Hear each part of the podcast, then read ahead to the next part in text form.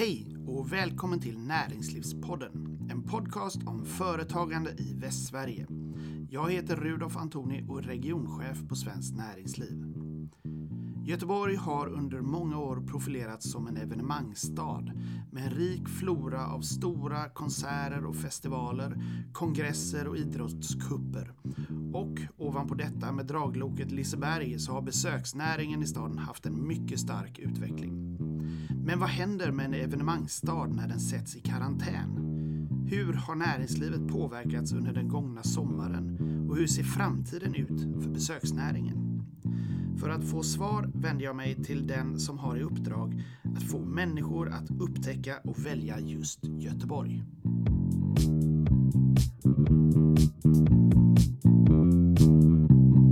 Ja, då sitter jag här med Peter Grönberg som är VD på Göteborg Company. Välkommen till Näringslivspodden. Tack så mycket. Eh, jag tänkte att du skulle kanske kunna börja med att berätta lite grann om Göteborg och Company. Vad, vad är det för organisation och vem driver den så att säga? Vem mm. äger den? Mm. Göteborg Company bildades ju för 30 år sedan. Um, och då var det faktiskt hälften ägt av eh, näringslivet och hälften ägt av kommunen. Sen för fyra år sedan på grund av lagen om offentlig upphandling och sådär så är det hundraprocentigt ägt av kommunen. Men det är fortfarande en väldigt, väldigt, väldigt beroende på den historiken vi har med näringslivet så jobbar vi ju jättetätt framförallt med, med besöksnäringen. Um, uppdraget har också stått sig ganska eh, liksom stått sig sedan 30 år tillbaka. Så det finns ett, ett tycker jag, tydligt formulerat uppdrag med att vi ska jobba för att utveckla Göteborg som destination. Både att fler vill upptäcka och välja att bo här och investera i, i, i staden och plugga här och, och besöka här. Och grunden att göra detta någonstans det är verkligen att försöka agera en samverkansplattform mellan det offentliga näringslivet och akademin. Och, och någonting vi alltid haft med oss från början också det är att vi har gjort det här för göteborgarnas bästa. Jag tror att det finns en, en levande besöksnäring eh, kommer ju också göteborgarna till godo och tvärtom. Det trivs göteborgarna att bo här och vi älskar vår stad så är det också så att folk finns en grund för att folk går och besöker det. Så det, där tror jag att många destinationer har tittat på oss som mm. Amsterdam och Barcelona och andra kanske som har lidit lite av överturism och sådär. Det, har, det har varit med i grunden från början att det ska komma liksom det lokala näringslivet till godo. Ja. Du sa att det finns en, en mm. även om ägarskapet ligger hos kommunen så har ni ett mm. nära samarbete och, och så mm. med, med näringslivet. Mm. Hur, hur, ser det ut rent formellt? Mm. Finns det någon ja. styrgrupp? Eller? Ja exakt, vi har ju någonting som heter besöksnäringens forum och i det ingår ju då det finns någonting som heter Göteborgs restaurangförening som organiserar många av de stora restaurangerna i Göteborg. Vi har storhotellsgruppen där de stora hotellen som, som Scandic och Choice och andra sitter. Och sen har vi då Göteborgshotellen som organiserar de mindre hotellen, Royal och sådär, där det kanske man äger bara ett hotell. Eh, så det är tre parter och sen har vi City-shoppingen sitter med där också och sen har vi Chalmers och Göteborgs universitet Stena Line och Göteborgsregionen som är de 12 kranskommunerna till Göteborg. Så de går under benämningen besöksnäringens forum och de sitter som adjungerade, de var ju ägare innan också men sitter nu mm. som adjungerande i styrelsen. Och sen utgår det ett flertal samarbeten självklart i organisationen. Men det är från styrelsenivå och sen operativt på alla nivåer genom bolaget. Okay.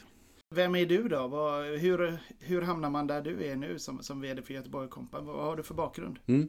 Jag har ju egentligen eh, jag har gått på industriell ekonomi på Chalmers och sen har jag 20 års erfarenhet i näringslivet. Både från stora bolag, Eh, både från Volvo Cars och AB Volvo men också från mindre bolag där jag har suttit som, som VD för Wireless Car och jag har jobbat på Framtidsfabriken som, som eh, sprang runt i fleecetröja och skulle förändra världen där mellan 99 till 2003. Så egentligen en en, en, en bakgrund i tjänsteutveckling, IT och digitalisering. Eh, men också alltid drivits av ett starkt samhällsutvecklingsengagemang någonstans. Och kände väl, ska jag sitta kvar här i storföretagen hela livet? Så då öppnade sig den här möjligheten. Så att, och då tyckte jag det var otroligt kul att få testa på något nytt. Då.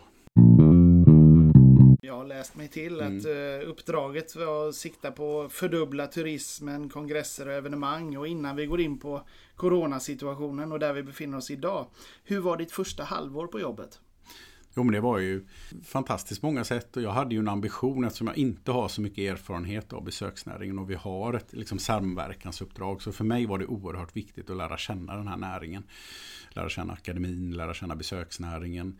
Eh, också vi, vi har ju ett ansvar som, som bolag, är ju vi även ägarbolag till Liseberg och Stadsteatern och Gotevent som är arenabolaget. Så det handlar väldigt mycket om att att, att, att skapa relationer och, och, lära känna vad, vad, är, vad är Göteborg egentligen. Och där kom jag ju verkligen till insikt när jag började i detta att Göteborg har gjort, tycker jag, en fantastisk resa de senaste 30 åren.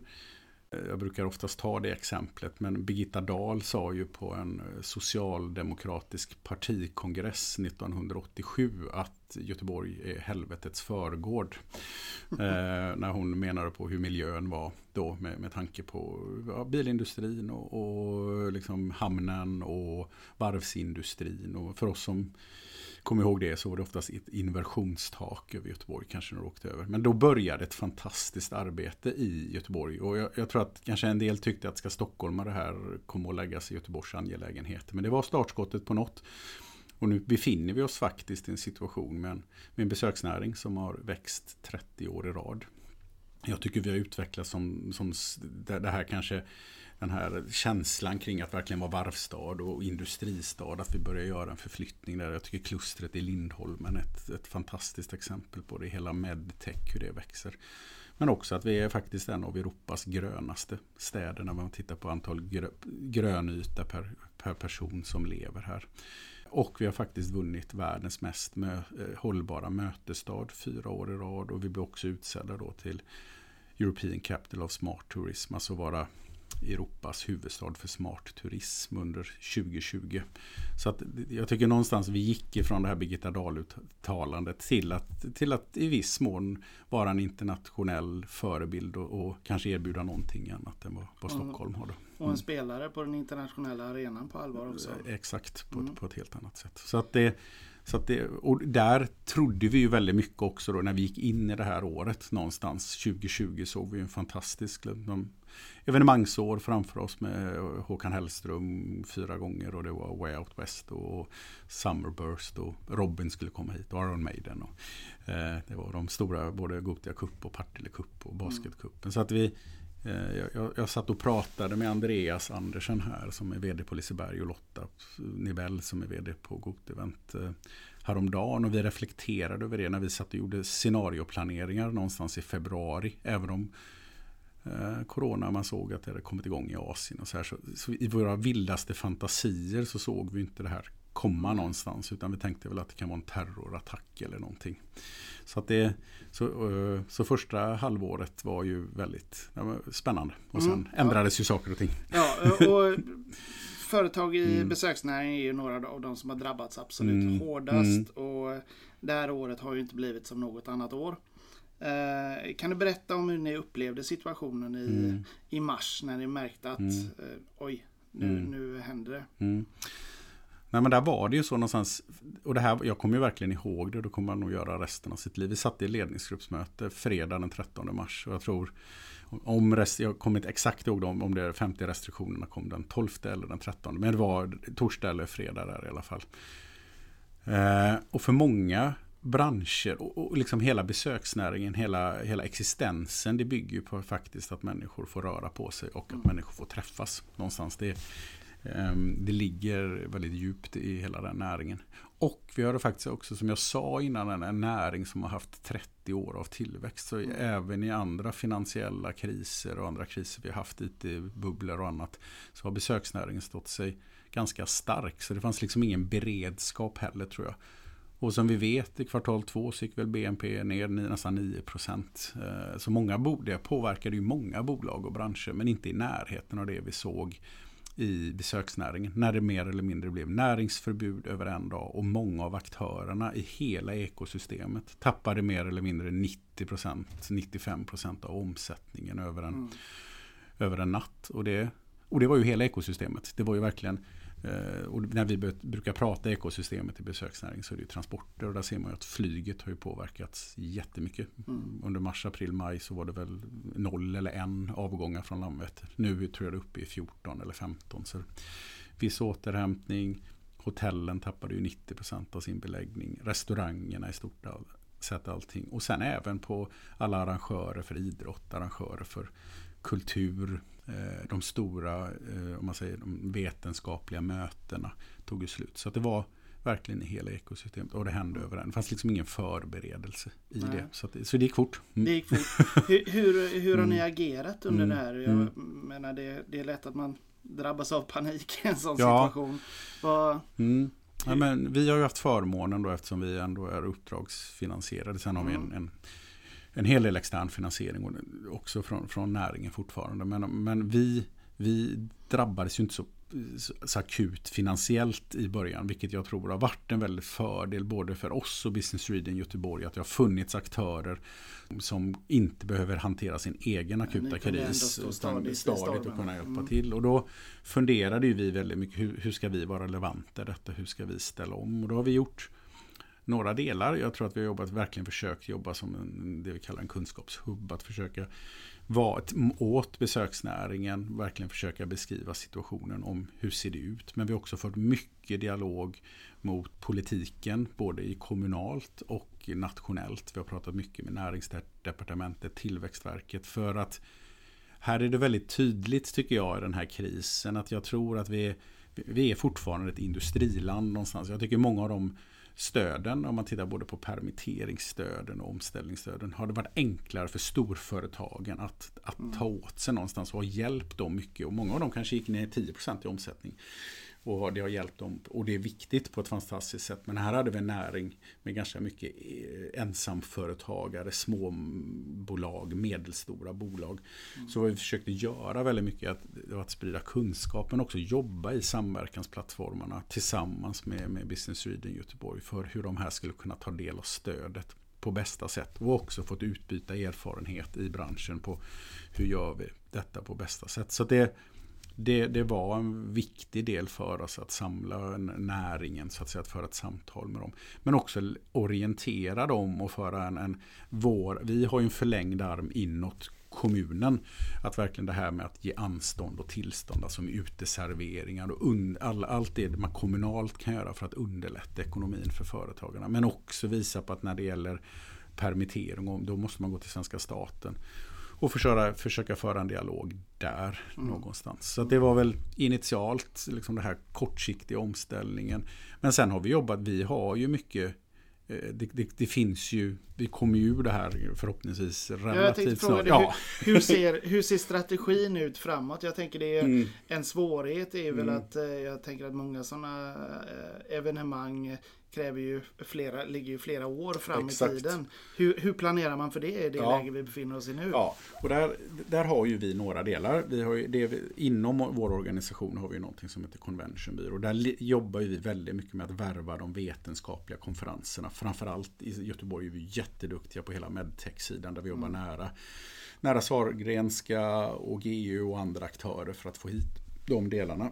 För många sköt ju 2020 till 2021 och så ligger de som redan låg där. Så att kan vi nu sakta men säkert komma tillbaka så ser ändå 2021 väldigt bra ut. Det blir ett väldigt intensivt ja, år. Men, men vi måste nu ta, det här, det är ju så som alla, många säger här, det här, det här försnabbar ju på processer vi måste göra. Men man kommer ju se att det kommer ju bli vi kanske inte har helt fysiska möten. Det kommer bli hubbmöten för världskonferenser. Kanske du har en hubb i, i Nordamerika och en i Asien och en i Europa. Och det blir mer hybridmöten. Och i det vill vi verkligen nu att Göteborg ska ta en position där vi ska bli Europas ledande huvudstad. För vi är liksom i Norden har vi redan en jättefin position. Men kan vi med vårt, med vårt kunnande här gå in och se till att man kan verkligen bedriva bra hybridmöten. Så ja, vi ligger i viss mån och värvar möten mot 24 och 25. Men vi ställer om också jättemycket fokus redan mot 21. Och vi är initialt de här, hur ska vi bli, världsledande att driva, driva hybridmöten? Och det här, måste, här har vi mycket digitaliseringskraft och så. Mm. Så det är liksom en del mm. som är viktig. Sen tittar vi också mycket på, vi är ju inne nu och värvar fem stycken eh, eh mästerskap för eh, idrott. Där vi tittar på handbolls-VM 23, eh, både för damer och herrar. Innebandy-VM 24, eh, ishockey-VM för herrar 25, eh, dam-VM i fotboll 27. I de dialogerna från båda parter så att säga utgår man från att ja, men, vi kommer kunna genomföra det här då. Det är bara att planera för framtiden som om det är löst. Ja, och där tror jag att vi där pratade vi mycket. Jag, jag, tror att vi hade en viktig röst under, under våren. Att visa på någonstans att det här är en viktig basnäring. Eh, det är en näring i kris. Vi måste få aktörerna att överleva någonstans så att det inte blir för mycket konkurser och så. Så vi har någonting, en näring som kan gå igång sen igen. Även om jag tror att det kommer bli mycket strukturförändring ändå. Nu tror jag att det är viktigt, det, där finns det ju branschorganisationer som Visita och andra som kommer driva den här talan. Jag tror det är viktigt att vi nu får en acceptans in i det nya normala och verkligen se till nu att vi får en, en bra höst, en bra jul och sakta men säkert trillar igång julen här mm. igen och jobbar med att marknadsföra Göteborg, se till att det är en säker stad att komma till, se till att värva konferenserna, se till att kunna driva hybridmöten och, och på andra sätt. Summerburst nu till exempel gick ju digitalt och det var ju 500 000 som det spred sig till. Så det, mm. vi har ju lärt oss mycket här också på det mm. sättet. Men jag tror att nu nu sakta men säkert, för vi såg ju när reserestriktionerna släppte i juni. Då blev det 20% beläggning på hotellen. I juli 50-60 och augusti lite sämre. Men sen kan det ju vara så med folk kanske är lite trötta på skogspromenader och Delsjön och Österlen. Nu vill man liksom tillbaks till staden igen och uppleva mm. detta och, och ändå göra det på ett tryggt sätt. Så vi hoppas ju weekendresor och sånt ska komma igång. Men sen, det kommer ta tid i återhämtning. För jag tror till exempel en sån sak som affärsresandet. Det, jag såg en undersökning häromdagen med de här som sitter som ja, det man kallar travel managers, alltså som, som ansvarar för resorna på bolagen. Mm. Det kommer vara mycket, jag tror att, affärs, att turismen kommer komma igång, om jag får gissa, mycket snabbare än vad faktiskt affärsresenärerna gör. För här kommer vi nog använda möjligheten till, till digitala möten och sådär under mm. egentligen hösten. det blir, blir eh, bestående förändringar som en, en konsekvens. Eh, åtminstone under en, det tror jag verkligen. En period ja. nu. Ja. Mm. Och vissa strukturförändringar. Tror jag mm. också. I hotellmarknader och du ser ju eh, cityshoppingen just nu med så är det ju tyvärr mycket, mycket i detaljhandeln där du har mycket, mycket konkurser någonstans också. Å andra sidan så tror jag på stan väldigt mycket som ett socialt fenomen också. Städer finns ju för att vi människor vi vill träffas där, vi vill arbeta där, vi vill byta ut kunskaper, vi vill handla med varandra, vi vill uppleva nöjen och, och, och liksom gå på kulturevenemang. Och städer har ju liksom överlevt världskrig och pandemier förr. Så att staden som fenomen och plats för att träffas, handla, plugga. Det tror jag finns en kraft i och det kommer sakta men säkert. Jag, en del pratar mycket om beteendeförändringar. Och så här. Jag, jag, tror väldigt mycket på urbaniseringen och staden som, som, som kraft i det också. Sen exakt, vi tittar på lite olika scenarier när det här mm. återkommer. Men nu får vi se. Första oktober fattar regeringen ett beslut om att gå tillbaka till 500 personer. Så kommer ju det innebära mycket. För då får vi igång Kulturinstitutet, Operan, Symfonikerna, Pustervik kommer komma igång. Och en sån enkel sak som att vi kanske, jag frågar, ni sitter ju här på Södra Hamngatan och jag själv sitter ju på Svenska Mässans gata att vi börjar komma tillbaks på ett tryggt sätt och börja jobba lite mer igen. För det är ju viktigt för restaurangerna i innerstan och handel inne. De sitter alla hemma och, och liksom bygger altaner och ringer in på digitala möten. Så det, det handlar lite om nu också att vi Mänskliga mötena kommer igång. Ja, igen. och att vi vill alla vi tar ett ansvar för att ha en levande stad också. Då, mm. då behöver vi också vara här och ta del av det utbud som finns. Om, om vi tittar på den här eh, ska man säga, sommaren eh, som blev inställd. Har ni några beräkningar på de eh, turismekonomiska mm. effekterna mm. mm. som Corona har haft för mm. Göteborg? Mm. Så är det ju. Vi börjar följa det ganska snabbt det har också varit, tycker jag, viktigt att visa på behovet av näringen. I Göteborgsregionen så omsätter vi ungefär 37,5-38 miljarder på ett år. Och jag tittade faktiskt innan jag gick hit nu. Så, så, vi brukar vid den här tiden på året ungefär ha haft en omsättning på 19 miljarder. Och 13 miljarder av dem är ju borta då. Mm. Så det är ju det är en enorm effekt. Och därför är det så viktigt att börja sakta men säkert komma igång. Det är inte bara en det är faktiskt inte bara en omsättningstapp. Och det kanske man i viss mån kan få tillbaka med omställningsstöd och permitteringsstöd och så. Men det finns ju också ett, jag är ju orolig för ett kompetenstapp mm. i branschen. Nu när till exempel Svenska Mässan har varslat hälften av sina medarbetare. En otroligt viktig motor. Liseberg som har 300, 3 miljoner besök per år har också varslat mycket människor. Mm. Och det där är ju stöden viktiga för att, för att behålla kompetensen i, i branschen också. Men där är det så, så ungefär 13 miljarder. Och det ser väl ut så i många, framförallt i storstäderna. Ja, jag tänkte just mm. fråga det. Hur, hur står sig i det internationella perspektivet? Eh, är Göteborg lika drabbat som Barcelona eller hur, hur ser det ut? Nej, men vi har ju faktiskt haft en, en Sveriges eh, lite mer liberala liksom, eh, strategi och, och mer en, en tillit till den enskilda mm, medborgarens förmåga. Så det har gjort att, att Sverige och Göteborg är ju inte lika... Göteborg kommer faktiskt väldigt bra ut även om vi jämför med Köpenhamn eller Oslo. Om man börjar nordisk kontext. Eller Stockholm. Stockholm hade bara 20% hotellbeläggning i Sen är det ingen tävling här, men det kanske slog ännu mer där eftersom det var så Stockholms innerstad är liksom de, och det vittnar ju många om att det är ganska har varit väldigt dött. Nu kanske mm. det börjar komma igång igen.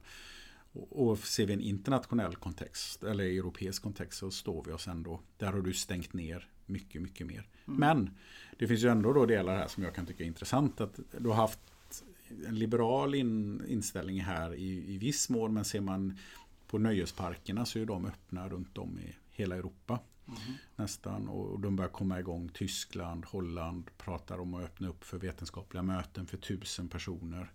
Så det är någonting vi hade hoppats på att man hade öppnat upp nu lite mer för att, att Liseberg kan öppna en, igen till jul. Att vi kan börja få hit lite mer möten. Det har varit jätte, jätteviktiga signalvärden. Och ja, vi står rustade för att göra det. För att se kanske en dag, vad är det, 30 000 i Nordstan på en femtedel av ytan på Liseberg där vi kanske skulle ha släppt in 5 000. Ja, det här kan vi prata mycket om. Men, ja, det, nej, men... Det, det, är, det, är, svårt att se mm. logiken ja, i, i mm. det, mm. absolut.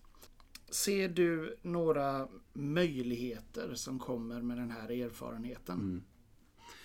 Det gör jag verkligen. Dels som jag sa med alltså all den digitala utveckling vi har haft. Det handlar ju om att tillgängliggöra Eh, utbudet i en stad till en bredare publik. Jag tror till exempel de här hybridmötena på de här stora vetenskapliga konferenserna. Och så här, det kommer fortsätta. För det är väldigt häftigt med de fysiska mötena men också kunna sprida kunskap väldigt mycket bredare. Eh, jag tycker också att vi faktiskt, allting, jag tror ju väldigt mycket i samhället, eh, positiv samhällsutveckling handlar om samverkan. Jag känner en väldig kraft nu, en vilja till samverkan.